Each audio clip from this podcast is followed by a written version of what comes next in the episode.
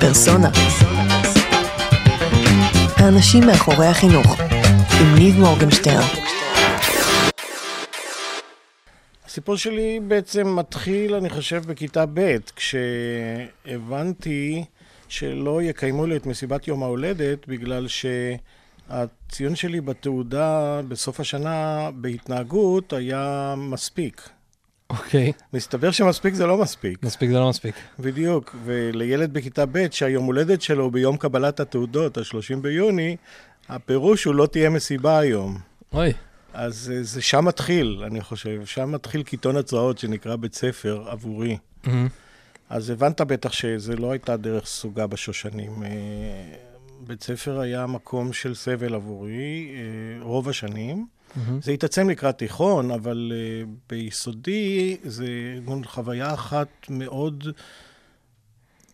משמעותית של ערפל של שעמום. זאת אומרת, שעמם אותי כמעט כל דבר. לא היה, אני לא זוכר אף שיעור היום מכל השיעורים שלמדתי בכיתה א' עד ח', למען האמת, אפילו לא עד י"ב. זאת אומרת, אני ממש לא זוכר אף כלום? שיעור. שום דבר שעניין אותך? ש- שום דבר שעניין אותי. אה, נגעו בי עם צ'רניחובסקי קצת, עם ביאליק קצת, אז היו דברים שנגעו בי, מהמם. אבל אה, לעניין אותי לא הצליחו כמעט בשום דבר. אה, אני לוקח חלק מהאשמה עליי, אני אחר כך ניסיתי להבין למה זה קרה, כן? והרבה מזה היה בגלל חוסר בשלות שלי. הבנתי אוקיי. את זה כשהגעתי לאוניברסיטה במקרה, כי לא הייתה לי תעודת בגרות, כי זרקו אותי מהתיכון, ולא יכולתי להירשם לאוניברסיטה כמו ילד נורמלי. מהמם. הגעתי לניו יורק, ששם יש כניסה פתוחה, זאת אומרת, open admission, כל מי שנרשם ל... ללימודים. ללימודים בקולג'ים של, של העיר ניו יורק, מהמם. אה, יכול להתקבל כלא מן המניין, מהמם. ואם הוא מוכיח את עצמו במשך שנה, אז הוא מתקבל כתלמיד, כתלמיד מן המניין ו, וממשיך אה, לדרגה אקדמית מלאה. כן. ורק ככה נרשמתי ל- לאקדמיה, ואז אחרי, נגיד, אה, כמה קורסים, פתאום ראיתי שהכל מעניין. אמ, אז מצאת את העניין בסוף במקום. מצאתי עניין אדיר, אבל הייתי מהמם. כבר בן 22, אתה כן. מבין? אז זאת אומרת שבית ספר עבורי היה צריך להתחיל הרבה יותר מאוחר, אמ, אוקיי? טוב, אז עוד שניה נצלול לזה עוד קצת יותר פנימה, אז אה, נגיד רגע שלום לכולם. שלום. היי, מה קורה? אז אתם מאזינים לפודקאסט פרסונה, אני ניב מורגנשטרן, ואני כאן עם חנן יניב, פרופסור חנן יניב. מה שלומך? טוב, תודה. כיף, כיף שבאת. אני אגיד לך איזה שני מילים, ככה מה שקראתי וליקטתי. אז חנן הוא מודח מעירוני ד' בתל אביב, נכון? בסוף כיתה י'. ויש לך בגרות אקסטרנית חלקית, אבל היום אתה פרופסור לחינוך בסמינר הקיבוצים, אז איכשהו עברת על הפער. לא רק בסמינר הקיבוצים, אני מלמד גם במכללת K, אה, אוקיי. שזה בבאר שבע, שבע. ואני, ואני יועץ לענייני PBL ב, לתוכנית המצוינים של מכללת אפקה, שזה מכללה להנדסה בתל אה. אוקיי, לא ידעתי, הנה, לומד כל פעם משהו חדש. חוץ מזה אתה חוקר, כותב בבלוג חינוך אחר, ופדגוג טכנולוגי, שאני חייב שאתה תספר לי אחרי זה מה זה. אמ, אז אמ, כמו שאמרנו, אני רוצה שנדבר קצת, גם נכיר קצת עליך, אז אני חושב שנתת פה התחלה ככה מסקרנת על הדרך אה, שחווית, אמ, קצת לדבר על המודלים שאתה מדבר עליהם, הדברים שמאוד האירו את עיניי, זה היה בית הספר ההרפתקני, ה-CSI שכתבת עליו קצת, אמ, וננסה רגע לדבר מה, מה מהדברים האלה כבר דברים שאפילו יכולים להיות ישימים כבר מחר אמ, בבוקר. אז, אז באמת אתה אומר כאילו שסבלת בהרבה מקומות כאילו בבית ספר, ומה, כאילו זה בעיניך מה שהוביל אותך גם אחרי זה ל- לתהליכים ש, ש, שאליהם בנית, לדרכים שלך? לא. אוקיי. אה, אז כן בעניין של דגשים, זאת אומרת, ה- החיים סללו את עצמם, זה לא משהו שעשיתי מתוך בחירה במסלול מסוים, ואמרתי, אני רוצה להיות פרופסור לחינוך, אני רוצה כן. להיות מחנך. זה מצחיק, כי אה, כשהגעתי לצבא הקבע, הייתי פסיכולוג בחיל המודיעין, אוקיי. וקיבלו אותי לתפקיד אחרי תואר שני בפסיכולוגיה מחקרית, אוקיי. ובין השאר, בשביל להכיר לי את מערכת המיון, הציגו לי את כל המבחנים שעושים בחיל המודיעין. מהמם. ועשיתי את כולם, ואז באו אליי ואמרו, חנן, יש מבחן אחד שאנחנו לא מבינים איך לפענח. אוקיי. אז אמרתי, אוקיי, מה? ואמרו, יש מבחן שיש פה... רגע, לא הבנתי, הציגו לך, הראו לך את המבחנים, לא, ואז נתנו לי עשית, ל- אה, עשית את כן, כל. המבחני אני- מיון בכל המקצועות שעושים במודיעין? נכון, בפסיכולוגיה? נכון. אוקיי. למה? אה, להכיר אותם. כי שאתה הייתי- תכיר אותם כן, גם כנבדק. כן, Mm. כנבדק, אה, וכמי שיהיה אחראי באיזשהו שלב על מער- על מערכת המיון. מיון. ואז אה, אמרו, יש מבחן אחד שאנחנו לא יודעים לפענח, והמבחן הזה הוא מבחן נטיות, ומסתבר שיש שם, יש שם עשרות מקצועות, ו, ומחפשים מה, מה מיקוד העניין שלך, ומסתבר שהכל גבוה. אוקיי. Okay. זאת אומרת שכנראה שאני סקרן כפייתי. אוקיי. Okay. זאת אומרת, אז, אז כנראה שבאמת הרבה מאוד דברים מעניינים אותי, mm-hmm. ו... ו... הם, רק היו צריכים בסיס מספיק נוח בשביל, בשביל לנבוט אצלי. אתה מבין? הרעיון הזה של בשלות, הרעיון הזה של אמונה בעצמי, mm-hmm. אוקיי? כי ככל שאתה נכשל יותר בבית הספר ולא עומד בציפיות, ככה הדימוי העצמי שלך הולך וקטן. Mm-hmm. זאת אומרת שבסוף בית הספר, נגיד אחרי י"ב, אחרי שזרקו אותי מהתיכון, הייתי עם אגו בגובה דשא קצוץ. אוקיי. Okay. ו... ואתה לא יכול להרגיש יכול mm-hmm. עם סוג כזה של אגו. כן. אתה מבין? אתה חייב... אז איך התגברת על זה? עצם העובדה שהכל נהיה מעניין, וגם הצליח לי mm-hmm. בעבודה, היינו אז בניו יורק, אה, היה לי טוב בעבודה, היה לי טוב בבית ספר, ופתאום הכל עניין, והייתי אפילו טוב בלראות טלוויזיה, זאת אומרת, אז... מה זאת אומרת? איך נהיים טוב בלראות טלוויזיה? תראה, באתי עם אנגלית שלוש, הציון הכי גבוה, הכי נמוך בגרות באנגלית בארץ באקסטרני היה ארבע, אני קיבלתי שלוש. אה, יפה. זה מה שנקרא לרוץ אה, נגד עצמך ולהגיע מקום שני. ואז אה, אה, אחרי חצי שנה בניו יורק, בעבודה במוסד ישראלי, דיברתי עברית. כן. אבל ראיתי בוויקנדים, בסופי השבוע, ראיתי טלוויזיה. טלוויזיה באנגלית. ללא, ללא, ללא תרגום. ללא תרגום. כן. ואז הייתי צריך ציון בבגרות באנגלית. Mm-hmm. אז הלכתי ועשיתי אותו בקונסוליה וקיבלתי תשע. אה, יפה. כן, אז זאת אומרת ש, שהתהליך הזה שעברתי בהתבגרות, אה, היה מוזן עם הרבה מאוד סוגים של הצלחתי. Mm-hmm.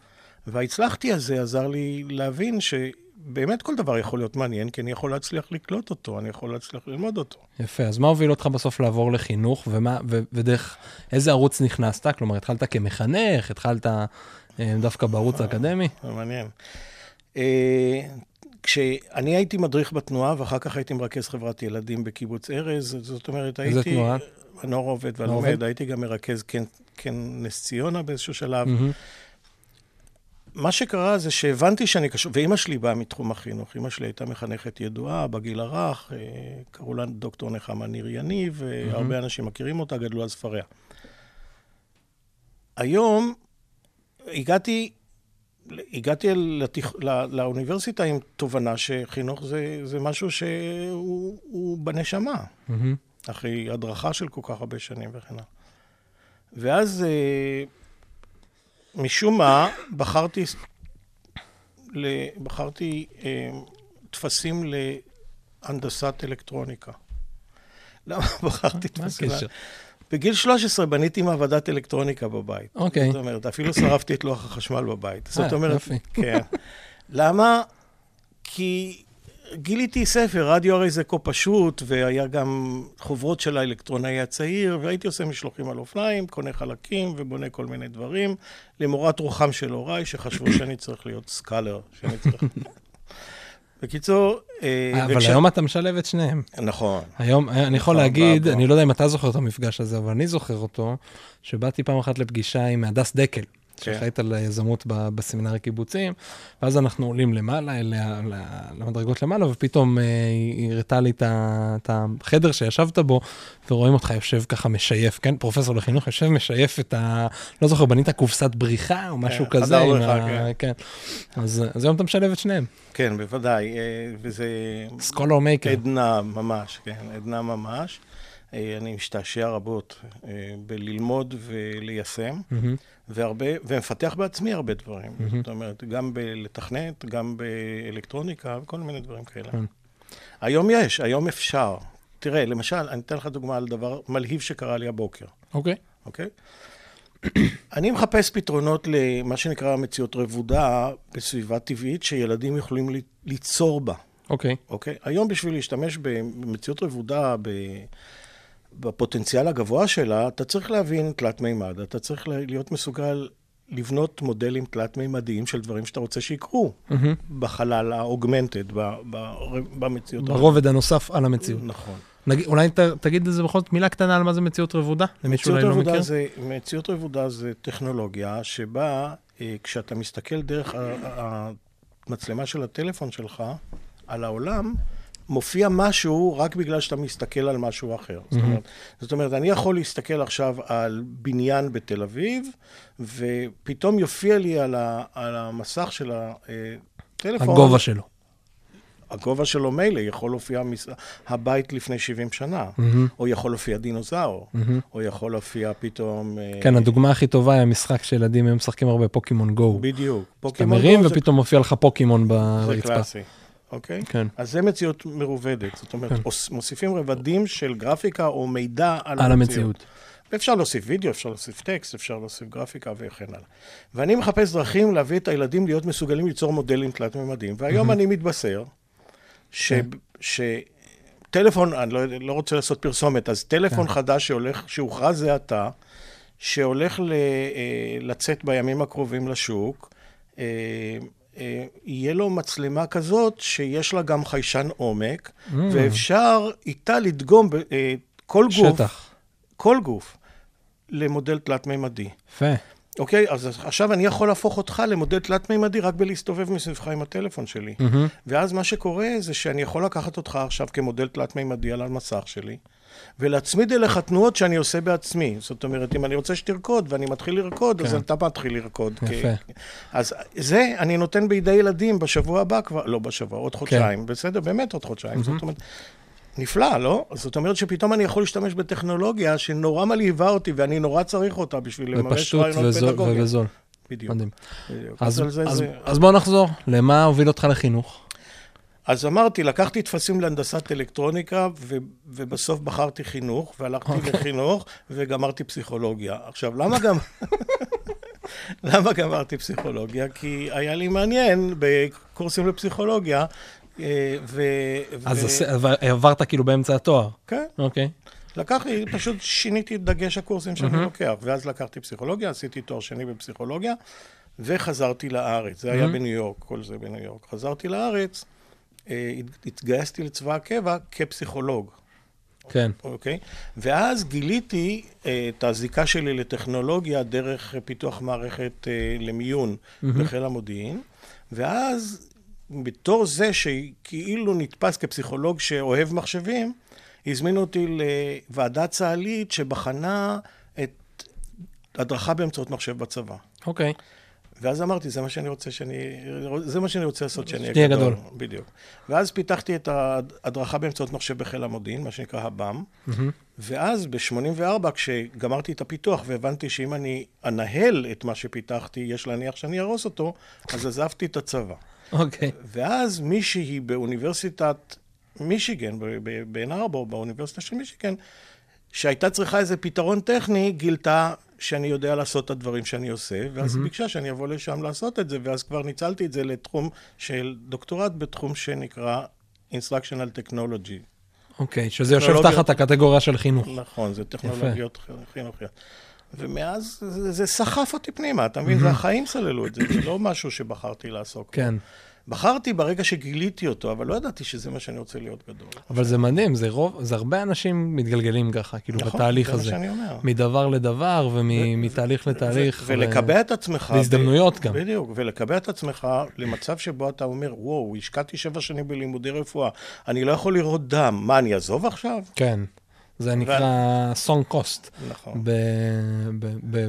בכלכלה התנהגותית לדעתי זה שווה. נכון, אני מכיר אנשים שהיו הולכים 35 שנים למקצוע שהם שנאו כל יום בו, והמשיכו ללכת. אז אתה מבין? אז, אז הרעיון הזה של באמת היכולת להיות ולבחור לעצמך מסלולים, נתיבים שונים באמצע הדרך, זה דבר שנהיה מוכרחים לעשות ממילא. כן. אני בחרתי לעשות את זה כבר בגיל צעיר. תראה, אנחנו עוד נצלול רגע לדברים ולמודלים שדיברנו עליהם בכותרת מקודם, אבל אני מזהה, לפחות מהסיפור שלך עכשיו, כל מיני מקומות מפגש אה, דומים. זאת אומרת, גם במקום שאמרת שאתה מחפ...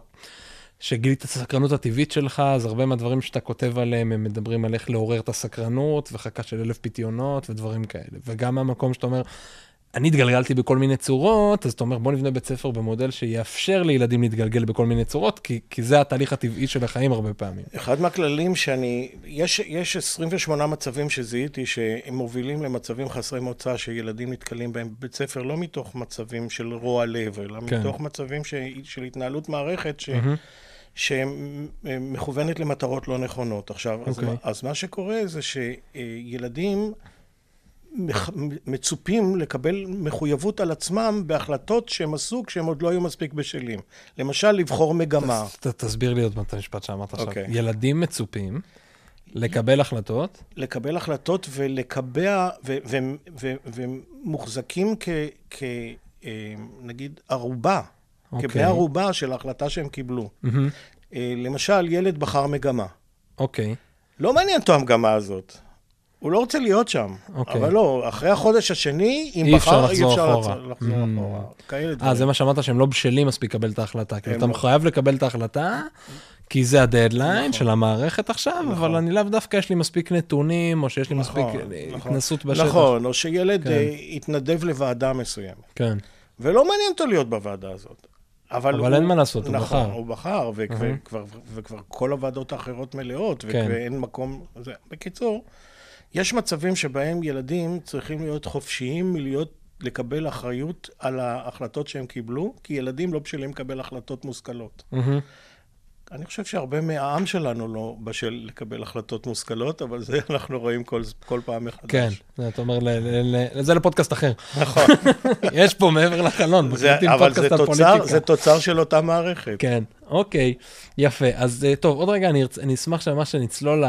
כי העלית פה ביקורת, זאת אומרת, על. על המערכת, על המצב הקיים, ונצלול עוד שנייה רגע קצת לרעיונות לפתרונות. לפני זה אתה חייב לספר לי, מה זה אומר פדגוג טכנולוגי? פג... פדגוג דיגיטלי. אה, ה- דיגיטלי, סליחה. כן, אה, יש מונח שאני, שיש שמכירים בזכותי לתביעה שלו, זה פדגוג דיגיטלי או פדגוגיה דיגיטלית.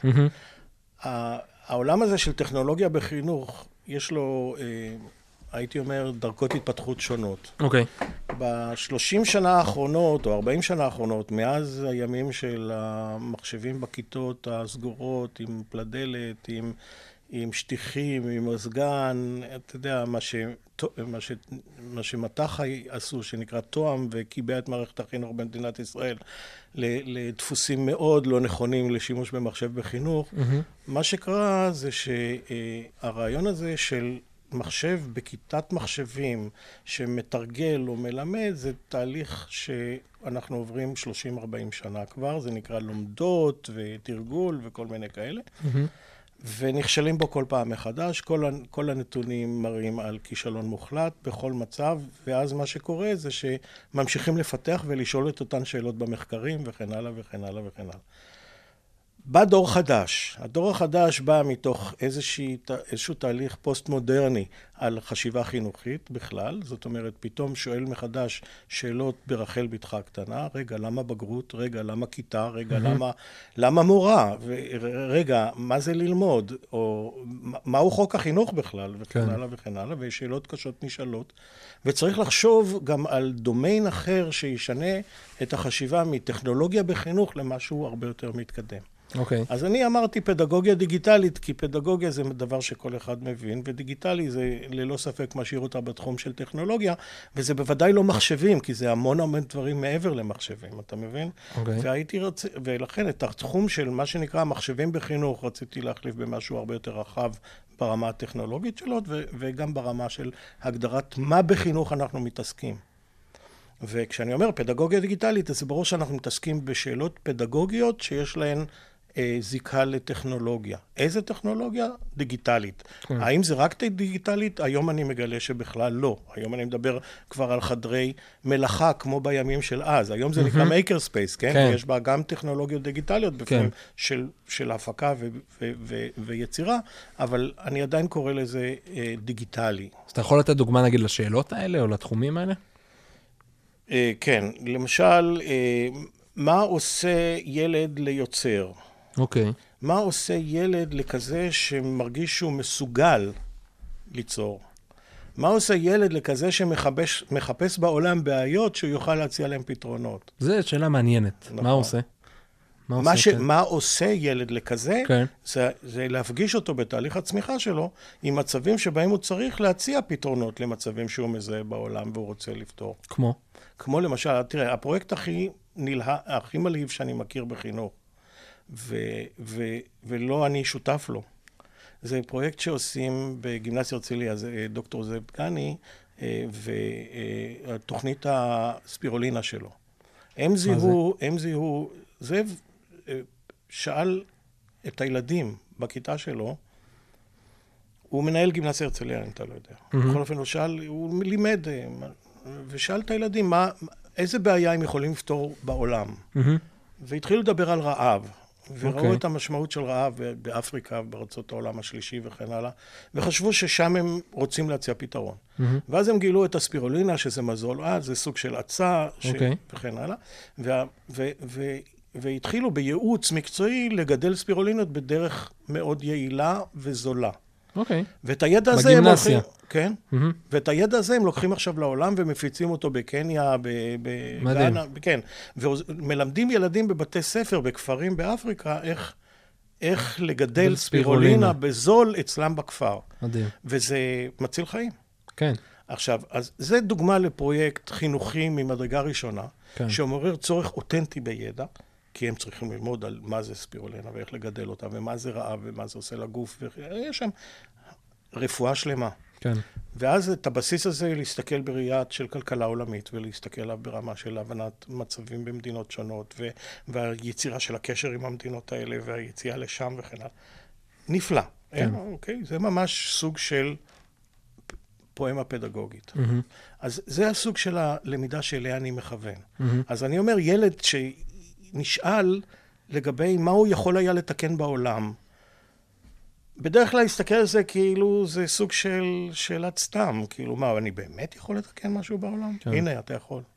אתה מבין? ואז זה מביא אותו לתחושה של אני מסוגל, ולתת לו את ההזדמנות לעשות את זה, ולהרגיש שהוא מסוגל, זה רק בבית ספר אפשר לעשות בתחילת דרכו.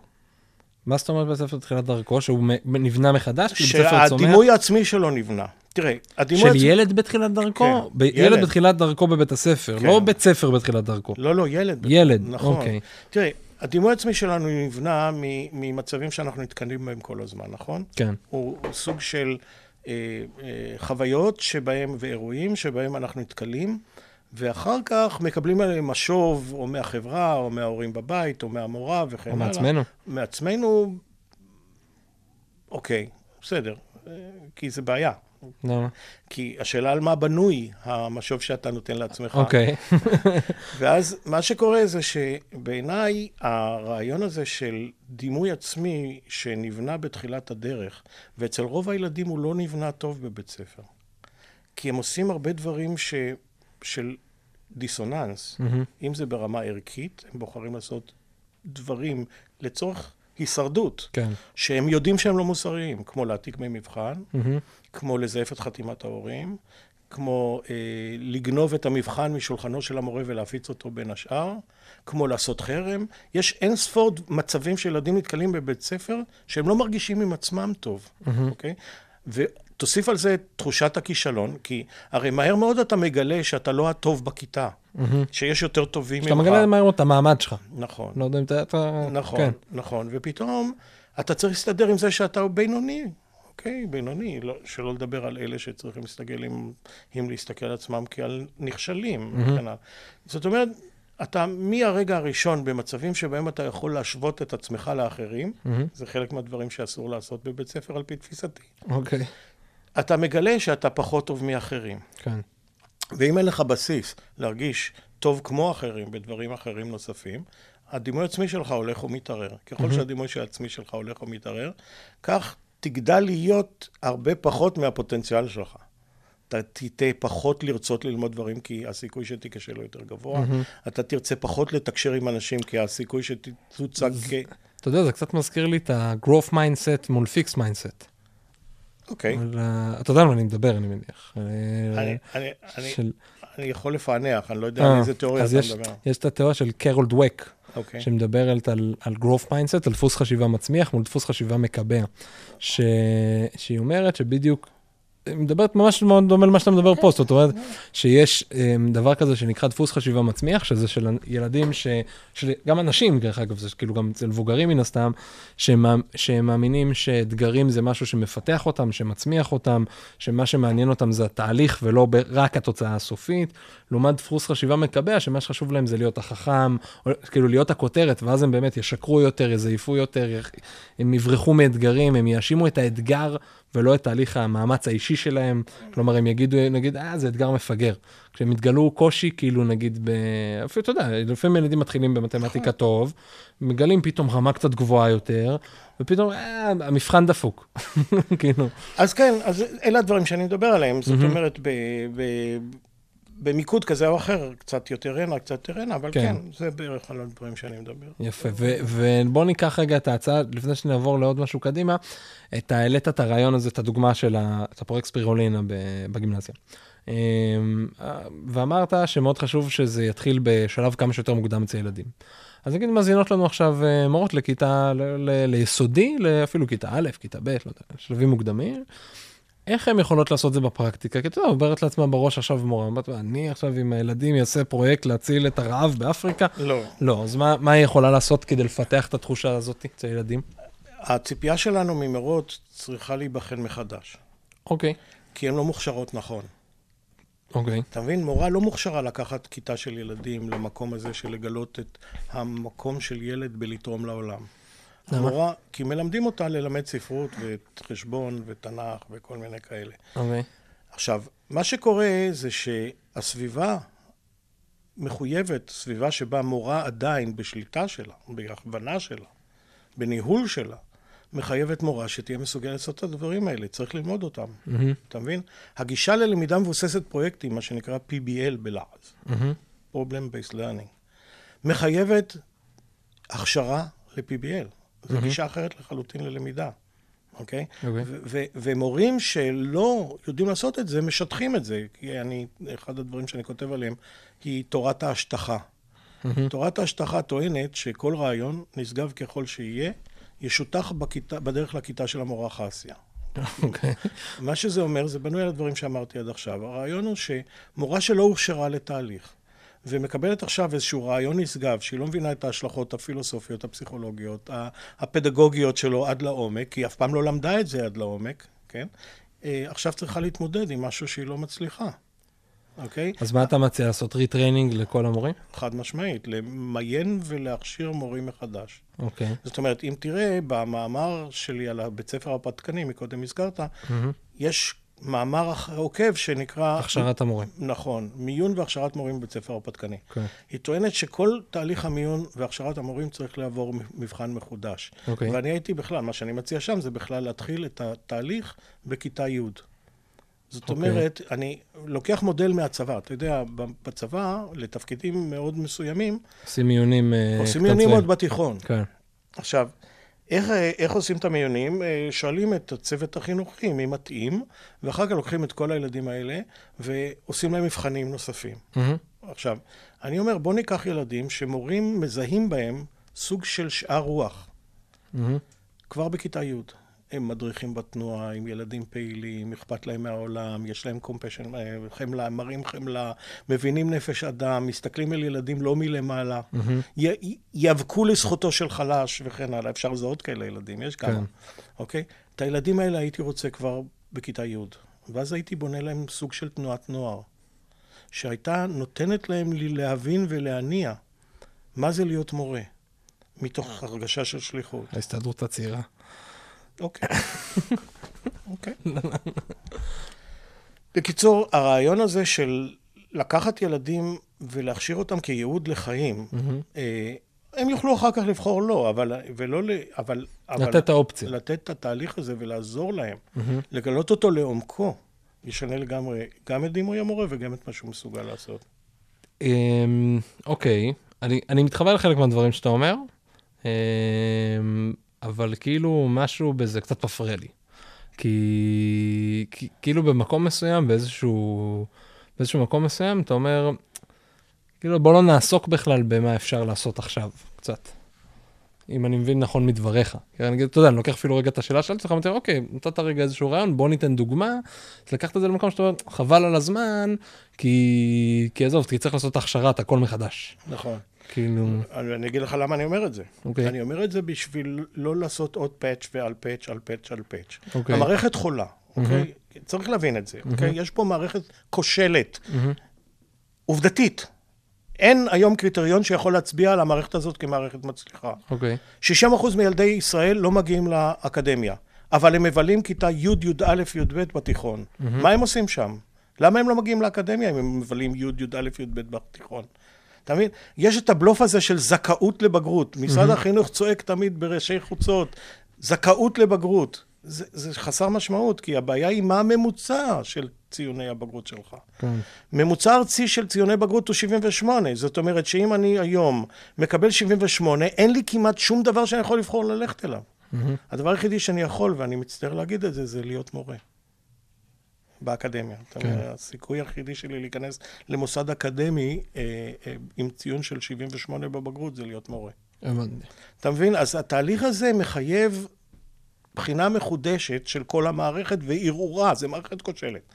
עכשיו אתה שואל אותי, בסדר, מה נעשה מחר בבוקר? אז מחר בבוקר אני אומר לך, תראה, מחר בבוקר אפשר לעשות חלק מהדברים האלה. אפשר לעשות הרבה טוב לילדים. הרבה טוב לילדים. אבל אם רוצים לרפא את המערכת, צריך לחשוב הרבה יותר באופן חתרני. צריך לחשוב, צריך לבטל אותה ולבנות חדשה. אוקיי? ולכן אני, בגישה של מה צריך לעשות בגדול, אומר לך, צריך להכשיר מחדש ולמיין את כל המורים מחדש. אם אתה שואל אותי האם זה ריאלי, אני אומר כן, אם זה יתחיל טיפין-טיפין. זאת אומרת, אם נבנה היום ביישוב מקומי, ברשות מקומית כזו או אחרת בית ספר הרפתקני, ונרצה לבית ספר הזה מורים, ונתחיל את המיון של... שלוש שנים קודם, או חמש שנים קודם, יהיה לנו כבר מורים כאלה שבעוד חמש שנים יוכלו להיות מורים על פי תפיסתנו אה, בבית ספר הזה. ואז ה- הזמן הזה יכול. עכשיו, אם אני רוצה להקים את הבית ספר הזה מחר, אני אלך למיין את המורים. אני אלך אוקיי. למורים שאני יודע שהומלצו על ידי כאלה ואחרים. אתה יודע, מספיק שאני אכתוב בפייסבוק. כן. אז אתה יודע מה, אז בוא נשמע מה זה מודל לבית ספר. אוקיי. בית ספר הרפתקני זה בית ספר שבו הלמידה נעשית מתוך צורך אותנטי. זה כלל ברזל ראשון. מה זה אומר? זה אומר שאין למידה שנעשתה בגלל שתוכנית לימודים אמרה שזה מה שצריך לדעת, אלא יש למידה שנעשית מתוך זה שאני עכשיו צריך את הידע הזה בשביל להשתמש בו, בשביל לעשות משהו שאני רוצה לעשות. אני צריך את הידע בשביל משהו שאני רוצה, זאת אומרת, זה מתחילה מתוך הרצון והצורך של הילד, או הילדה. לא תמיד, כי לא תמיד אני יכול לדעת מה הרצון והצורך של הילד. לא, אבל אמרת שזה מתחיל ממשהו שאני רוצה לעשות. אמרתי שאני צריך. אה, אוקיי. אני צריך את הידע, אני צריך את הידע בשביל לעשות משהו שאני רוצה לעשות. זאת אומרת, אני צריך למצוא לילד משהו שירצה לעשות, אוקיי. ולעזור לו לעשות את זה. כן. כי אם אני לא אעזור לו לעשות את זה, אתה יודע מה קורה? עשיתי פרויקטים עם מאות או אלפי ילדים באצבע הגליל, אוקיי? מזמן. ואני יכול להגיד לך שהיו שלושה תחומים פופולריים שילדים בחרו לעשות בהם פרויקטים. זה היה לבוש, אופנה, זה היה מוזיקה, להקות קצב, וזה היה ספורט. אוקיי. אתה מבין? אם לא נעזור לילדים להבין את העולם, מה שקראת מקודם, שאני כותב עליו הרבה, זה חכה של אלף פיתיונות. חכה של אלף פיתיונות אומר שאני צריך לעזור לכל ילד לגלות משהו שהוא רוצה לדעת עליו קצת יותר. אוקיי. אני את זה צריך לעשות איתו בתחילת דרכו בבית הספר בשביל להתחיל מאיזשהו תהליך. אני למשל בכיתה ד', במקרה לקחו אותנו למוזיאון. ב... שאתה היית בכיתה ד'. כן, בית ספר אה, במוזיאון אלנה רובינשטיין, אה, אה, במבנה של היכל התרבות שם בגן. אוקיי. ואני לא הייתי ילד כזה, הבנת, לא הייתי ילד כזה של בית ספר, לא הייתי ילד כזה שבאמת מעניין אותו הרבה דברים וכן הלאה. וחטפתי שם שוק, למה? זה היה ואן גוך. וראיתי את ואן גוך, ראיתי את התמונות של ואן גוך, עניין אותך. ובתור ילד בכיתה ד' חזרתי נסער, זאת אומרת, והתחלתי לקרוא כל מה שיכולתי על ואן גוך. אתה מבין? קראתי ספרים של מבוגרים על ואן גוך, ולא הייתי ילד כזה של קורא וכזה. כן. אתה- אבל ופתאום- משהו הדליק אותך בזה זהו, אני ונמשכת קורא לזה, לשם. אגב, אני, אני קורא לזה חוויית למידה מכוננת. אוקיי. אפשר להתקיל כל ילד בחוויות למידה מכוננות, אין ילד שאי אפשר, מהמם. אוקיי? וכשאתה מתחיל, מוצא עם ילד, וזה תהליך חיפוש ארוך, מקום כזה, שבו יש לו עניין לדעת קצת יותר, יש לך סיכוי להתחיל להדליק אצלו אור, אוקיי. אוקיי? ואז, כשהוא רוצה לדעת על ואן גוך, זה כבר בא מתוך צורך אותנטי. מהמם. זאת אומרת, אם אני עכשיו הייתי אומר לו, אתה יודע מה, בוא, ו- ונגיד שהיינו רוצים לייצר סביבה אומנותית בעולם תלת מימד, והייתי אומר לו, בוא, בוא נעשה, מה שעשו הרבה, בוא ניקח את הציור הזה ונמחיש אותו בסביבה תלת מימדית, מהמם.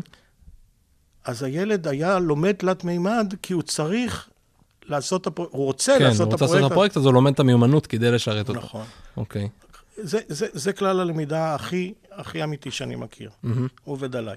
כן. לא, אני חושב שהוא עובד על הרבה דברים, אני רואה, את- אתה יודע מה, אני אגיד את זה אפילו, הוא, זה משהו שקורה לי בחיי היום-יום. זאת אומרת, הרבה מהכישורים והמיומנויות שיש לי היום, כ, כ, כאדם בוגר, הם מתוך צורך. אתה אצלי. יודע, אני לא ידעתי אה, לעשות פודקאסטים עד לפני, לא יודע, עוד מעט שנתיים כבר, אני עושה את הפודקאסט. לא ידעתי איך עושים את זה. זה ממש עניין אותי, ממש התלהבתי. התחלתי מלהאזין פודקאסטים, ואז הלכתי, ל... ואז נעזרתי, קראתי כתבות, נעזרתי באנשים, למדתי דברים, למדתי להפיק פודקאסטים, היום אני מלמד אנשים אחרים לעשות פודקאסטים. אני לא הייתי עורך סרטים דגול אף פעם, אבל אני צריך פתאום לעשות משהו, אז אני יושב, אני קורא, אני לומד את המיומנות מאוד ספציפית, אולי לעשות, אה, להוסיף כותרת, לכתוב כתוביות, אה, לחתוך. כאילו, אני לומד דברים מאוד ספציפיים, ומקדמים אותי, ולאט לאט הידע הזה והמיומנות הזאת היא נאספת, ונהיית יכולת שאני יכול להשתמש בה וליישם אותה בהרבה מאוד תחומים ומקומות. אצלי זה 95% ממה שאני יודע. אוקיי? זה מתוך המקומות האלה. בתוך כן. המקומות האלה. ואז התהליך הזה הוא התהליך שהייתי רוצה להביא ילדים להיות מסוגלים לקבל בבית ספר. מהמם. אגב, יש לי גם קורסים כאלה. זאת אומרת, של? שנגיד, אה, אני אומר לסטודנטים, תלכו ללמוד משהו שאף פעם לא למדתם בחיים, אוקיי. שאף אחד לא מצפה מכם ללמוד ושאתם נורא רוצים לדעת. ואז מה קורה שם, לאן הם הולכים ללמוד? הם הולכים ליוטיוב ומחפשים לעצמם דברים שהם רוצים לדעת, אה, וזה יכול להיות סריגה, וזה יכול להיות אוקיי. לעשות כנאפה, וזה יכול להיות אה, מה שבא להם. מהמם. אבל אחר כך אני מבקש מהם, אחרי שלמדתם את זה, בואו תלמדו אותנו. מהמם. בואו תחשבו איך אתם מביאים אותנו לרצות ללמוד את זה, יפה. אוקיי? והתהליך הזה הוא תהליך מאוד בונה עבורם. המשוב שאני מקבל מהסטודנטים האלה זה שזה קרה להם תהליך משמעותי עם עצמם. יפה. אוקיי? אז התהליך, תהליכים כאלה הם תהליכים שאני חושב שבית ספר צריך לקדש. וכשמדברים על לומד עצמאי, הרי כולם מדברים לומד עצמאי, נכון? זה חלק ממיומנויות המאה ה-21, כולם מדברים על זה, היום כבר מדברים על מאה ה-22 וכן הלאה. מהמם. מה זה אומר לומד עצמאי? לא יודע, אפשר להגדיר את זה בכל מיני קטגוריות. הגדרנו, אוקיי, אמרנו נכון. מישהו שמבין שללמוד זה מתוך צורך אותנטי. ויודע לחפש לעצמו דברים שהוא רוצה לדעת. אוקיי. אז זה, זה מה שקורה. עכשיו, את הדברים האלה, אני מנסה, דיברנו על בית ספר הרפתקני, מנסה לבסס כעקרונות מעצבים של בית הספר ההרפתקני. עכשיו, למה הרפתקני? אוקיי? רגע, אבל תגיד, העקרונות, כאילו, אני חושב שעם הרבה דברים שאמרת עכשיו, אני מתחבר וגם האנשים שמאזינים לנו מתחברים, כאילו אומרים, אוקיי, נכון, וזה מה שאומר לומד עצמאי, וזה, אמרתי לך שאני לומד גם ככה את רוב הדברים שאני עושה. אחלה, איך מכניסים את זה לתוך מסגרת שאפשר לקרוא לה בית ספר שיודעת לפעול ו- ו- ו- ולעבוד ולא להשאיר את זה כתיאוריה, כי כתיאוריה זה מה שבית ספר הרפתקני עושה. וכקונספט זה מעולה, אוקיי, בית ספר הרפתקני עובד רק לפי פרויקטים. אוקיי, אוקיי? עכשיו, ברגע שאתה מתחיל לפתח פרויקט, מה שקורה זה שהפרויקט הזה צריך להיות משהו שמוביל לתוצר אמיתי. מהמם, התוצר האמיתי הזה צריך לשתף אחרים, כן. כי אין לך בסיס להעריך את התוצר שלך אם לא שיתפת אחרים בשימוש בו, אוקיי, אוקיי? כלומר, זה צריך להיות תוצר בר שימוש, שאחרים יכולים להשתמש בו, והתהליך שמ... מ- הפידבק סוגר- שלהם, של התהליך שימוש. שלהם הוא סוגר את המעגל. נכון, זה נקרא אוקיי. חק- חקר שימושיות. אוקיי. אני טוען שחקר שימושיות זה כאילו הוא... קצת כזה יזמות.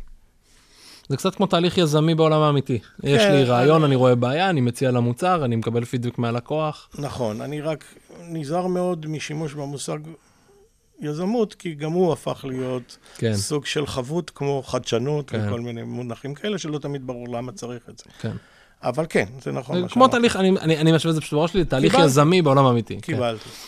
עכשיו, מה שקורה זה שכשילד בונה פרויקט לתוצר אמיתי ומשתמש בו מול החברים שלו, התהליך הזה נקרא חקר שימושיות, שאני טוען שהוא המודל המתודולוגי הנכון לחקר בחינוך. אוקיי. זאת אומרת, כי אם אתה, אתה מבין שלמידה צריכה להיות ממוקדת תוצר, ואם היא תהיה ממוקדת תוצר משמעותי מספיק עבור היוצר, היא תיצור אצלו דפוסים שונים של צורך אותנטי בידע. אתה רוצה שהתוצרים האלה ייבדקו בתהליך מחקר אמיתי. וזה נקרא חקר שימושיות. לכן הוא תמיד, כבר בכיתה א', ב', אפשר לשאול את הילדים, אחרי שהם מתבוננים במי שמשתמש בדברים שהם יצרו, האם היה להם טוב? Mm-hmm. האם, האם הם התעסקו באמת ב, בלשחק בתוצר שנתתם להם, או שאולי לא, אולי הם לא כן. הבינו מה צריך לעשות. וזה ילדים יכולים לראות. עכשיו, אז החינוך הזה לבקרה של דברים שיצרתי ולקבל עליו, עליהם אחריות, זה תהליך שהוא חלק מהתהליך. עכשיו, אז זה בית ספר הרפתקני בדרך שבה, קודם כל אנחנו מדברים על יצירה של פרויקטים. עכשיו, למה הרפתקה? הרעיון הוא רעיון שבא מהעולם שנקרא מוטיבציה. אוקיי? אני, גם בעניין של מוטיבציה אני מחליף את השימוש בערך הזה, כי הוא נשתה ונהיה חבוט מדי. ו... חו... כשאני אומר מושג חבוט זה מוביל למיסקונספציות. זאת אומרת, אנשים לא באמת מבינים את המשמעות של מוטיבציה פנימית, כי מוטיבציה פנימית יותר מטופלת בש... בתחום של פסיכולוגיה ולא דווקא בחינוך. כן.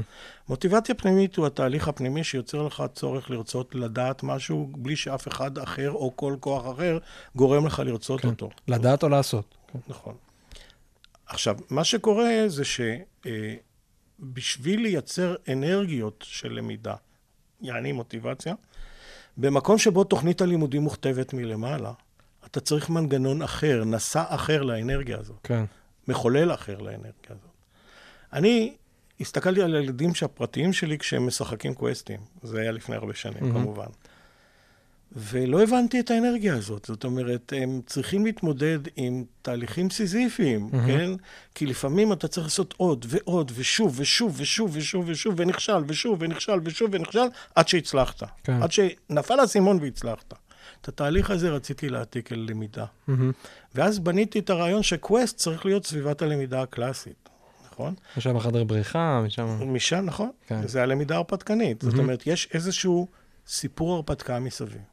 עכשיו, אחת הבעיות של סביבות הרפתקניות לכאורה, mm-hmm. כמו חדרי בריחה, הרבה מאלה שהייתי, הם חדרי בריחה שאין בהם קשר בין העלילה mm-hmm. לחידות. אוקיי. Okay. כשאין קשר בין העלילה לחידות, אין את מרכיב האנרגיה הזאת שמשפיע, הזה של, של הרפתקה שמשפיע על הלמידה. כן, זה, זה לא קשר. חוויה מספיק אימרסיבית, היא לא חוויה מספיק אה, שאתה טמוע בה, נכון, שאתה נמצא בה, כן. נכון. ולכן צריך להקפיד הקפדה יתרה על הקשר הזה. זה נקרא mm-hmm. בעגה של אה, פסיכולוגיה, של מוטיבציה, זה נקרא קשר אינטרינזי. Mm-hmm. והקשר האינטרינזי הזה חייב להיווצר. ולכן בהרבה מקרים של gamification, של, של משחוק סביבות למידה, הרבה מקרים של בניית קווסטים של למידה, משחקי למידה, הרפתקאות למידה וכן הלאה, שוכחים לשים דגש כן. בעניין הזה. אני יכול להגיד, אה, אה, רק... חושב, כן. אני יכול להגיד שהייתי בשבוע שעבר, כתבתי את זה בפייסבוק שלי, הייתי בחדר בריחה שמאוד מאוד טוב בזה. זאת וואלה. אומרת, באמת, זו דוגמה קלאסית לחדר בריחה ששווה אה, להבין, בשביל להבין את הנקודה הזאת שווה לבקר. אני חושב גם שיש איזשהו הבדל בין... אה, אה, דיברנו על זה פה פעם בפודקאסט, בין gamification, משחוק, לבין אה, למידה מבוססת משחק. בוודאי. כלומר, זה, זה ההבדל הגדול של בין משחוק, שאתה מכניס איזשהו אלמנט משחקי לפעולה לא משחקית, כמו מי, בואו שנינו נסדר את האולפן, ומי מאיתנו שיסדר את האולפן יותר מהר, יקבל, לא יודע מה, פיצה בדרך הביתה, לבין שהלמידה, שזה יותר חדר בריחה באמת, שאתה לומד דרך התהליך כאילו אה, עצמו. ולכן um, אני מדגיש מאוד את המושג חדרי בריחה לימודיים, כן. או סביבה הרפתקנית, סביבת למידה הרפתקנית, ולא סתם סביבה הרפתקנית או חדרי בריחה. אני אשמיע לך אחרי זה משהו שאני עושה עכשיו עם הקלטה של פודקאסט. אמ, כי, כי זה גם כן העניין של הסאונד, אפשר לעשות תוך שנייה. אני לא עורך את הפודקאסט, אמרתי לך, אבל כאילו בעקרונית אני יכול לעשות עכשיו ככה, ואנחנו, אתה יודע, נהיה ביער, או נהיה זה, או שיבוא פתאום, כאילו, וזה נורא פשוט, יותר פשוט מאשר וידאו שהוא מורכב, שהקטע החזותי הוא, הוא, ואתה יכול להכניס פה עולם שלם. בוודאי, אני דיברתי הרבה אגב על uh, עוד בימים של משחקי הרפתקאות בסביבה של טקסטואלית. Mm-hmm. למשל, הרעיון של קווסטים בסביבה טקסטואלית, אה, או adventure games, כן. היה, שיחקנו עוד על המיין פריימים הגדולים mm-hmm. בצבא. זאת אומרת, אפשר לשחק משחקים רק דרך דמיון, גם, דרך, גם רק דרך דמיון, ולא צריך דווקא עולם חזותי בשביל לשחק נכון, אותם. נכון. ואז העוצמה של הדמיון היא הרבה יותר גדולה, מאשר כמרכיב החזותי. מוטיבציוני מהחזותי. לגמרי.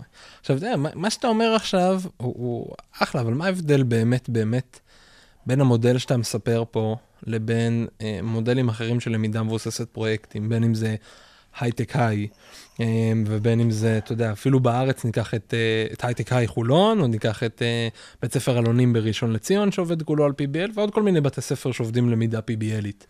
מה, כאילו זה נשמע ממש, כל מה שאתה אומר כרגע, יצא לי גם להיות בסדנה של חבר'ה מהייטק היי מסן דייגו פה בארץ, ו- וקראתי על זה הרבה על התחום, לא הייתי, אבל, אבל אני מניח שאתה יצא לך בטח גם להיות במקומות כאלה. הייתי בהייטק. כן, אה, הרעיון של הבית ספר הרפתקני, כמו שאני חולם, אותו. חולם כן. אותו, זה בית ספר שבו מתרחשת למידה הרפתקנית על כל משמעויותיה. בית ספר בנוי כשדה הרפתקאות. שזה אומר מה? צריך לקרוא את המאמר בשביל לא לשטח את זה, אבל מה כן. שאני יכול, ויש את זה בבלוג שלי, אבל מה- מה, ש, מה שחשוב להבין זה שהחללים בבית הספר הם לא חללים, הם לא כיתות. מהמם. הם לא מקום שבו מתקבצים ילדים בשביל להיות ביחד בללמוד משהו ממורה מסוים. הילדים יוצרים, זה סביבה של יצירה, זה נראה יותר כמו סדנאות, כמו חדרי מלאכה של פעם, כמו רק היום קצת יותר דיגיטליות. זאת אומרת, זה מקום שבו ילדים מפיקים, זה מקום שיש בו אולפנים, זה מקום שיש בו...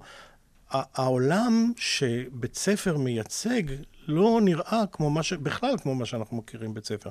יש שם מקום ש... של... אה, אה, יש שם מקום שאתה יכול למצוא בבתי ספר, אבל זה לא רק כזה. אתה מבין? כן. למשל, גלריה. מהמם. יש בכל בית ספר כמעט איזשהו מקום שמוקצה לגלריה. יש בתי ספר שאולי עוד לא הגיעו לשם, אבל גלריות יש בהרבה בתי ספר. כן. יש בתי ספר שאפילו מגדירים את עצמם כבתי ספר של אוצרות. אוקיי? ומלמדים אוצרות בתוך התהליך הזה. אבל זה, זה בודדים וזה רק חלק מהעשייה שם. כן. לא כל העשייה קשורה לרעיון של אוצרות. עכשיו, אני אומר, כשאני אומר בית ספר הרפתקני, זה אומר שכל אורח החיים בבית הספר מוקדש ביצירה ובהשתתפות בהרפתקאות. והרפתקאות יש להם הרבה סוגים, הרבה ז'אנרים של סוגים. ואת הסוגים האלה, דיברת מקודם על CSI. כן.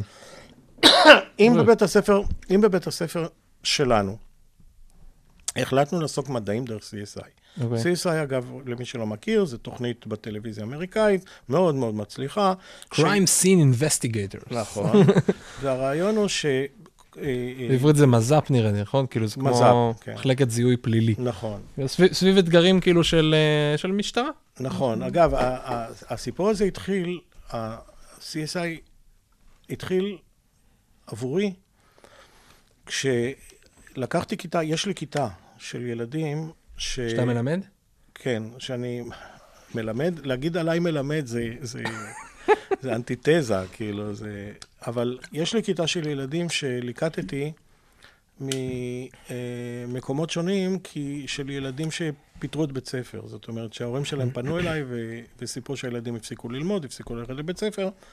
ואז uh, הבנתי שצריך לעשות משהו, כי לילדים האלה אין פתרונות, הם יושבים בבית, דופקים את הראש בקיר, ואז הזמנתי את הילד... חלק מהילדים האלה לכיתה שהקמתי וגימנסיה הרצליה אה, בחומה, כן?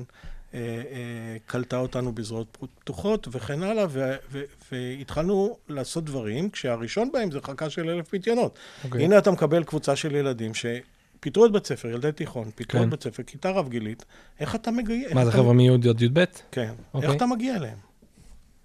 ואז התחלנו לס- לסייר. כל מי שיכולנו להגיע אליו, רגע, זה קרה מה? בתחילת שנה? כמה זמן זה פועל? תחילת שנה, זה פועל שנתיים. זה. פועל שנתיים, אוקיי.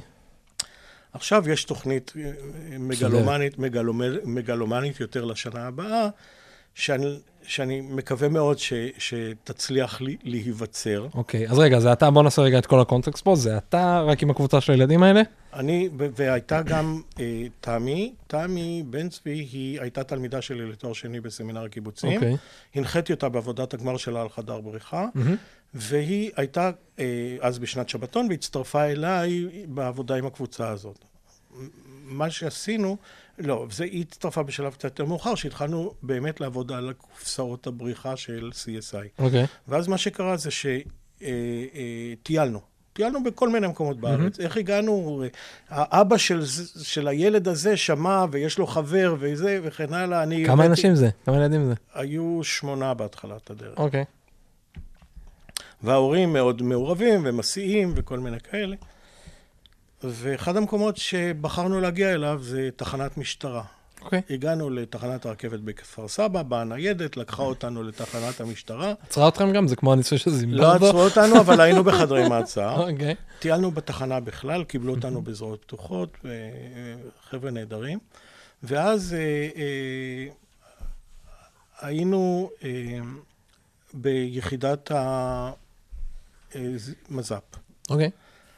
ואז זה ניכר, כן? והם ממש הראו לנו את מה עושים, וקלטו אותנו כנאשמים, אה, כעצירים. עצירים, אה, טביעת אצבעות, ו, ויש דיגיטלית ויש אנלוגית וכל מיני כאלה. הבטיחו שלא מכניסים אותנו למאגר הדמויות המודעות. כן. בקיצור, מומחי הקונספירציה, אתה יודע, היו מפחדים לבוא למקום כזה.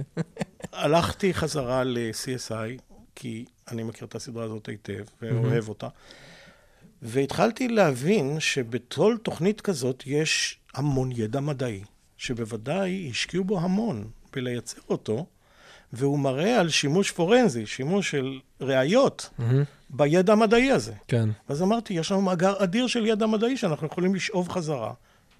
ועל בסיס הידע הזה לבנות הרפתקאות משלנו. כן. ואז אה, נוצרה ההרפתקה הראשונה, ש, שמעודדת צורך בידע מדעי. מהמם. וההרפתקה הזאת נקראת מי גנב את הגביע, ובנינו אותה בגימנסיה הרצליה, והרעיון שנגנב הגביע של... וכן הלאה, ויש שמונה חשודים. אה, אה, רציונל כן. שלם של פרויקט שהילדים יצרו במי גנב את הגביע, שמכיל ידע מדעי של דם ושל DNA ושל כל. הדברים. אז אתה מבין, אז התהליך הזה, זה, זה תהליך שדוגמה למה קורה בבית ספר כן. הרפתקני, וזה התהליך. אין דברים אחרים, אין מורה שיושבת ומלמדת. כן. יש הרפתקאות בחוץ, ויש הרפתקאות בפנים, ויש ריצות ניווטים, ויש כאלה ויש כאלה, אבל הכל קשור לאיזשהו בסיס שבו הילדים יוצרים הרפתקאות, ומנסים אותם על ילדים אחרים. למשל, אם יהיו שכבות בבית ספר הזה, נגיד יש שכבת ו', אני, כן. כל הרעיון של שכבות גיל הוא זר בעיניי, זאת כן. אומרת, אני לא מאמין שצריך אותו, אבל נגיד שיהיה. לא משנה, יהיו כיתו- קבוצות. קבוצות אם נגיד. קבוצות. כן. בקבוצות האלה, נגיד, אה, הקבוצה שלנו יצרה היום CSI. הקבוצה שלך יצרה היום הרפתקה אחרת, כן? למשל, אה, אה, אה, יכול להיות בסיס ל... ל... אה, נגיד, הרפתקאות, מוס- אה, מבוך של דילמות מוסריות. אוקיי? אז אני, הכיתה שלי, או הקבוצה שלי, קבוצת הייחוס שלי, לומדת אצלך, ואתה עושה עליי את חקר השימושיות, והקבוצה שלך עושה אצלי על CSI. ואני צופה בך, אני, אוקיי. היוצרים, צופים בך, מבצע, ועל הבסיס הזה מלקטים. זה יכול להיות אפילו, אתה יודע, סתם אני מנסה רגע להוריד את זה למין משהו, לא יודע, אולי אני חוטא בעיקר, אבל כאילו, מנסה להוריד את זה רגע למשהו סופר סופר פרקטי, אז אני, כאילו, אפילו מין, יש שבוע שבה כל קבוצה בונה אתגר, כן. כלשהו, לא משנה, אחד CSI, אחד מגנב את הגביע, אחד משהו, לא יודע מה. ו... ואז מודיעים, לא יודע, ביום חמישי מודיעים, חבר'ה, שבוע הבא, אלה אתגרים, ועושים שבוע יצירה, שבוע אתגר, אתגרים.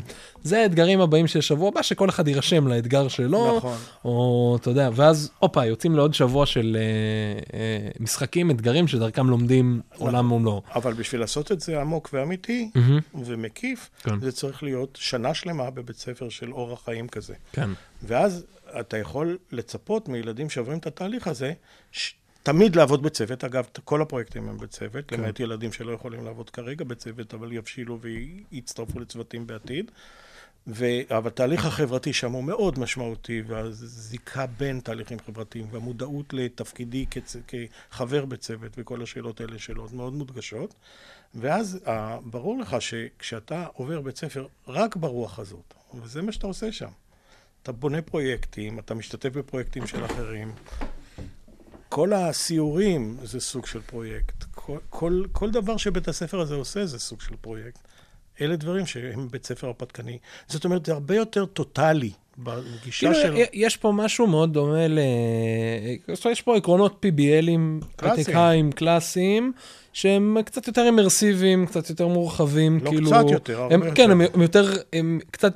לא, אבל יש להם, יש להם יותר חופש וחיבור לתלמידים, ו, והם קצת יותר, הם יותר רחבים, אני לא אגיד קצת, אני פה מסתכל בלשוני, אבל אה, זה מזכיר, אה, יש בית ספר, נדמה לי, ב, אני לא זוכר כרגע איפה, באיזושהי ארץ נורדית לדעתי, שהכל סביב costumes, סביב אה, תחפושות, אתה יודע על מה אני מדבר?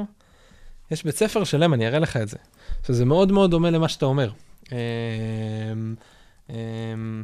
costume school, נראה לי. אני אחפש לך ואני אראה לך את זה.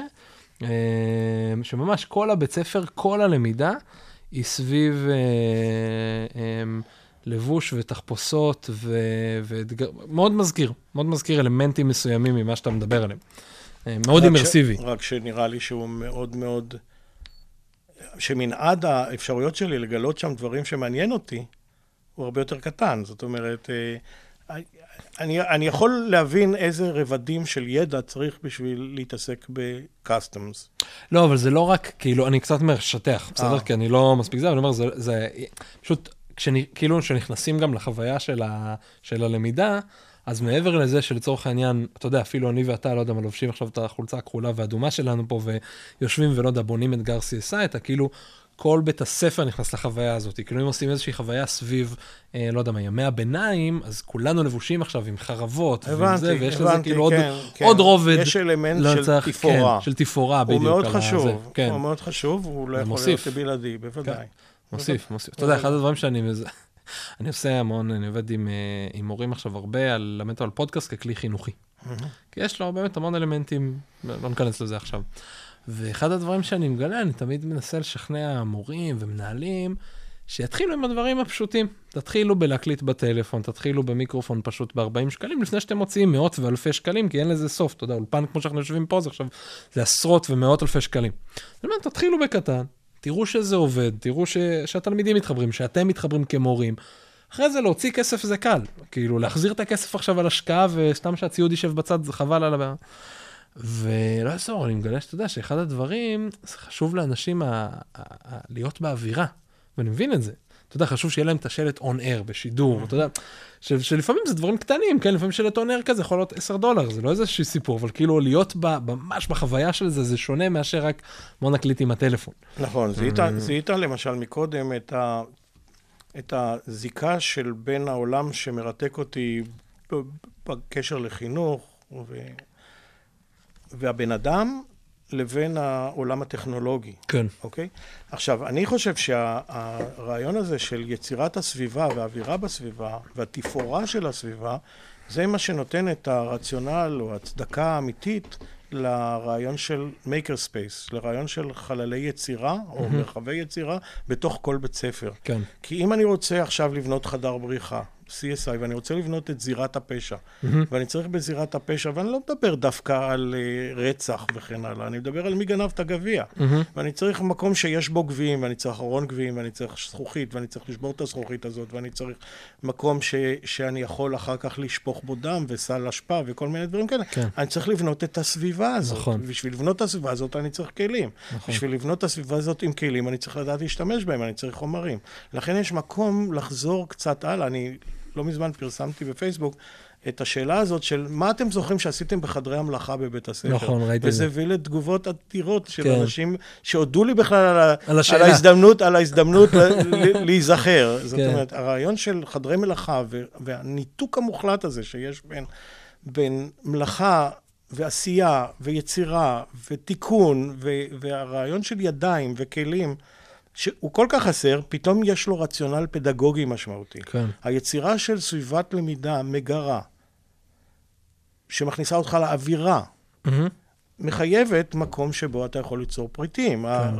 או, או קירות, או אה, מחיצות, או מנהרות. ראיתי למשל, יש בית ספר אל-פרדוס ב- ברהט, אה, בית ספר שאני מאוד אוהב. יש שם, בית ספר יסודי, יש שם מורה אחד שהוא משוגע לעשות דברים בבית ספר, אז מה הוא עשה? הוא לקח שקיות נייר חומות, זוכר שיש כזה דבר כן. לפני הניילון? מהמם. אוקיי. כימת אותו- זה חוזר עכשיו. אה, כן, לא ראיתי, בסדר. כימת אותם והדביק אותם על הקירות של מסדרון, וזה נראה כמו מנהרה, ואם אני אראה לך תמונה של המנהרה הזאת. לא תאמין שזה לא מנהרה באמת. זאת אומרת, אתה מבין, אפשר לעשות דברים נכון. כך פשוטים, וכל כך שמשווים עולם שלם. שהיה פה בפודקאסט אה, טל בן יוסף, אולי אתה מכיר אותו, טל בטח, makers. בטח. אז הוא חבר טוב, אז הוא, אמרתי לו מתישהו בפודקאסט, אמרתי לו, טוב, אתה יודע, מייקרים זה, תמיד ב maker fablab דיברנו גם על כל ההבדלים, ואתה יודע, הדבר הראשון שהרבה אנשים חושבים ישר, מדפסת תלת מימד. אמרתי לו, טל, מאזינים לנו, אנשים רוצים לעשות את זה, תעשה לי חדר מייקרים בזול, הוא אמר, אין בעיה, בשקל 90. הוא אמר, תתחילו מקרטון, זה מביאים בחינם, ואקדח דבק חם ממקסטוק, וזה, תתחילו משם. נכון. אחרי זה, נכון, אני... בסוף קונים את המדפסת נכון, מימד. אני- תמיד שאני רוצה, אבל יש פה משמעות לתוצר ואיכות התוצר. נכון.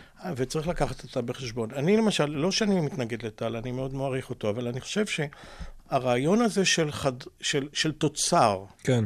שבו ילדים היו מקבלים פרויקט בנושא של צורות מגורים בעולם, מהמם. והיו לוקחים קופסת נעליים, שמים בה גוש צמר גפן ואומרים, זה איגלו. זה לא מה שהייתי מחפש, אתה מבין? כן. וזה עוד אבא עשה, כן?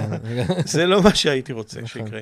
הייתי רוצה אה, אחריות לאיכות התוצר. נכון. אחריות לאיכות התוצר מחייבת כלים שיאפשרו לך לעשות משהו שיש לו קיימות, זאת כן. אומרת, וכן הלאה, ודבר שתהיה גאה בלהציג אותו. עכשיו, חלק מהרציונל של...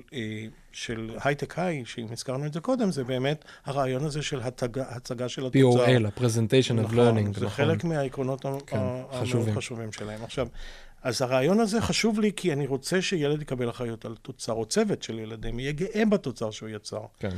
עכשיו, כל זה מוביל אותנו לרעיון ה- ה- של אם כל הפרויקטים. שהוא?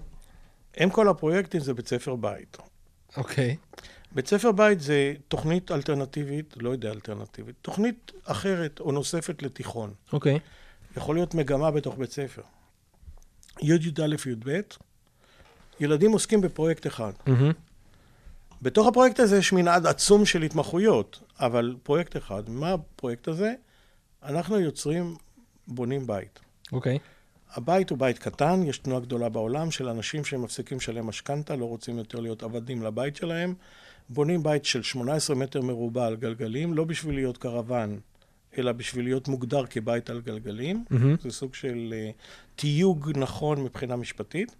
ואז בתוך זה הם מכניסים את כל מה שיש להם בבית מודרני, וחיים שם בוודאי עד לגדל את הילד הראשון או השני שלהם, אוקיי? עכשיו, מה שנקרא, לא רוצה להיות קיצוני, אבל... מתחילים מהתיכון לגדל את כל ה... לא, לא צריך. לא, זה חלק מהפרויקט.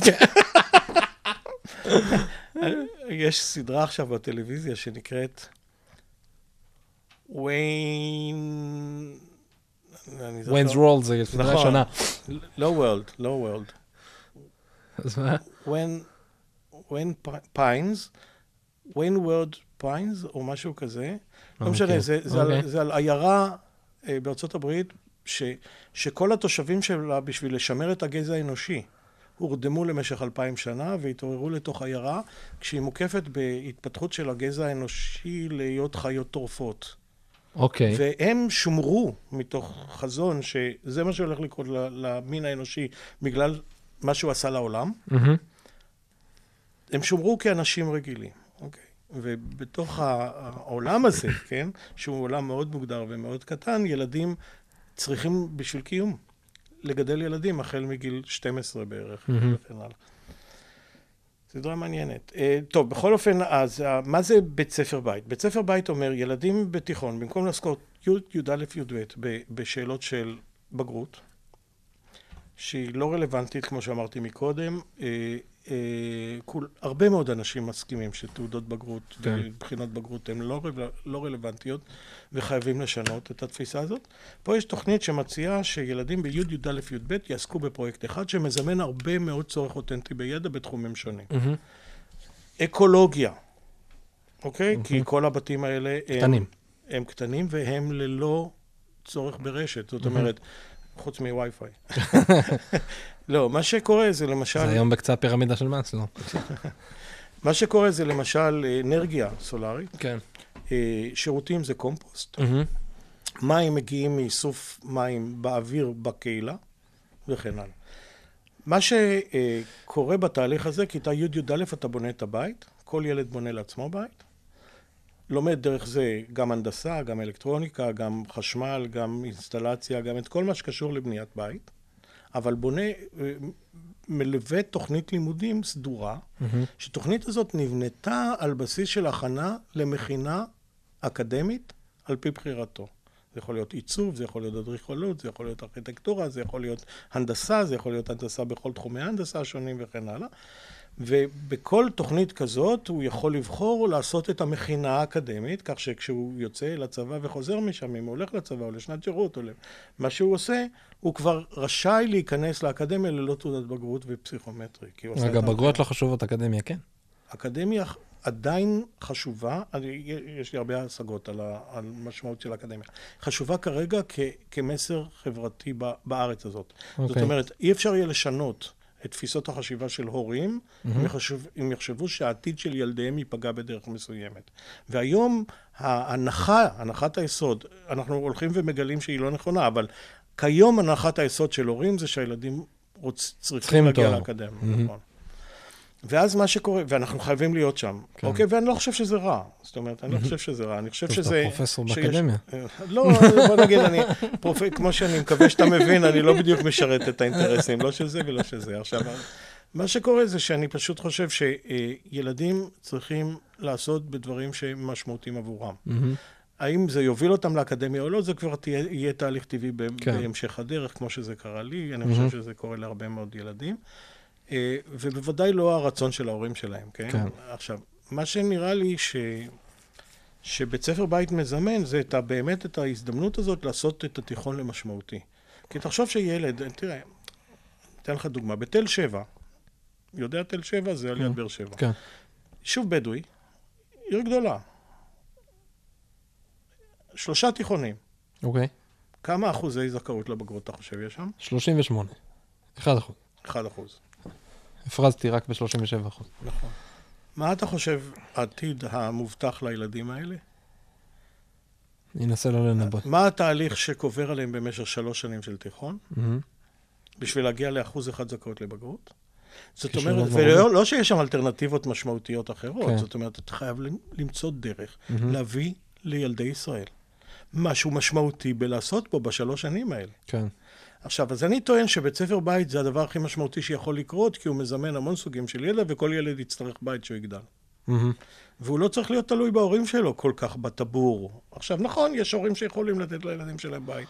עכשיו תשמע, זה גם כן שאלה, אתה יודע, אתה מדבר פה על בית משהו פיזי, אבל אתה יודע, אמ, שלך, אבל בית היום, ויש בהמון, אה, בהמון מקומות, במציאות שלנו היום הפכנו למוצר כשירות. ויש משרדים במוצר כשירות, במתחם שהוא מתחם עבודה משותף. כן. אז זאת אומרת, המון דברים הפכנו היום למשהו שאני כבר לא צריך להחזיק בעלות, גם בית. אמ, כמו שיש WeWork, יש יש- WeLive, יש אבל, אה, אבל אני צריך... שכירות. אבל אתה משלם כסף. בשביל זה. כן, כן. נכון. לא תצטרך לשלם כסף בשביל הבית אה, שלך. אתה אומר כי זה שלך. כי זה שלך. כן. ואז מה שיקרה זה שאתה תגיע למצב שבו יש לך בית, חוסר תלות. ובכיתה י"ב אתה בונה את הקהילה והשכונה. ואז. כל השאלות הערכיות נכנסות לש... כן. מעניין. ואז מה הקהילה רוצה לעשות? זאת אומרת, האם הקהילה הזאת רוצה לפרנס את עצמה? האם היא רוצה לעשות את זה באמצעים חקלאיים? האם היא רוצה לפתוח עסק תיירותי? האם היא רוצה לעשות את זה אה, בסביבה תעשייתית? האם היא רוצה לעשות משהו טכנולוגי? מה, הקהילה רוצה לעשות? ואז ההתמחויות שנובעות מתוך זה כבר לוקחות אותך הלאה אל האקדמיה. זאת כן. אומרת, עדיין ממשיך באותו רעיון. של אני בונה את עתידי, אני בונה את הקהילה שלי, אני בונה את התרבות שלי בתוך תהליך כזה. אז ירח חנן, אנחנו אחד מגיע, הגענו לסוף, כאילו כבר עברנו היא קצת את הסוף, אבל השיחה הייתה כזו קולחת ומעניינת שלא רציתי לקטוע אותה. אמ, אני, אני רוצה להגיד ש... אחד זה היה מאוד מעניין, זאת אומרת, משכת פה לכל מיני כיוונים מאוד מעניינים את השיחה, ו- והעמקנו כאילו במקומות האלה. אמ, אמרתי את זה גם קודם, לא לכל הדברים שאתה אומר, כאילו אני חושב שיש המון דברים שאתה לוקח לאיזושהי קיצוניות, אני אישית לא, לא לכולם מתחבר עד הסוף, אבל זה, זה בסדר, אנחנו לא חייבים להסכים על הכל. אתה, אתה, אתה מצטרף לקבוצה הר- גדולה, גדולה מאוד של אנשים. יש לנו טישרטים. אמ, לא, אני, אני מסכים עם המון דברים, אבל אני חושב ש... אני, בס... אני חושב שיש המון דברים שאפשר לעשות כבר מחר בבוקר, ומהדברים שאמרת, יש תהליכים שאפשר לעשות אותם, חלקם גם קצרים יותר, וזה של, של חוויות אימרסיביות, ושל uh, סביב לקחת איזשהו פרויקט, ותהליכים, ולהגדיל אותם פשוט גם קצת יותר. כלומר, שזה במקום לקחת אפילו חוויה מ... מבוא ננסה לעשות איזשהו פרויקט קטן, שעתיים בשבוע, או ארבע שעות בשבוע, בוא ננסה לעשות שבועיים של משהו. כאילו, אתה יודע, אני חושב שיש דברים, כאילו, תהליכים שאני לוקח ממה שאמרת פה, שיכולים להיות פרויקטים קצת גדולים יותר בכל מיני מקומות. או, אתה יודע, אני עובד לפעמים כל מיני תוכניות אה, של חבר'ה אחרי צבא, נגיד מה שאמרת עכשיו על אה, לייצר בתים, כאילו, זה, זה קונספט מטורף שהוא, שהוא בכלל באמת גורם לאנשים פתאום לשאול המון המון שאלות, והגיל פה במרכאות כמעט ולא חשוב, כאילו, כי זה, כי גם אם נכניס לשם קבוצה של אנשים בני 40 למקום הזה שהם צריכים להקים קהילה מאפס, אז עולות המון שאלות, זה לא, זה לא, לאו דווקא הגיל, אלא זה, זה שאלות של, של איך אני חי. אמ, תראה, בדרך כלל אני נוהג לשאול, יש לי שאלה אחת שאני שואל את כולם, שאלה אחרונה, ואם לא היה לך מגבלות של זמן ותקציב, איזה בית ספר היית פותח, אבל אני חושב שדיברנו על זה עכשיו שעה, אז אני חושב שענית על זה בתוך זה. אמ, זהו, חנן, ממש תודה. היה, היה תענוג. תודה לך, גם לי. היה כיף גדול. ותמשיך, זה יופי של דבר שאתה עושה. תודה רבה, מעריך את זה. יאללה. חבר'ה, תודה גם לכם שהאזנתם. אם יש לכם שאלות או משהו, אז uh, תפנו אליי דרך האתר או במייל. Um, זהו, חנן, תודה. תודה. ביי.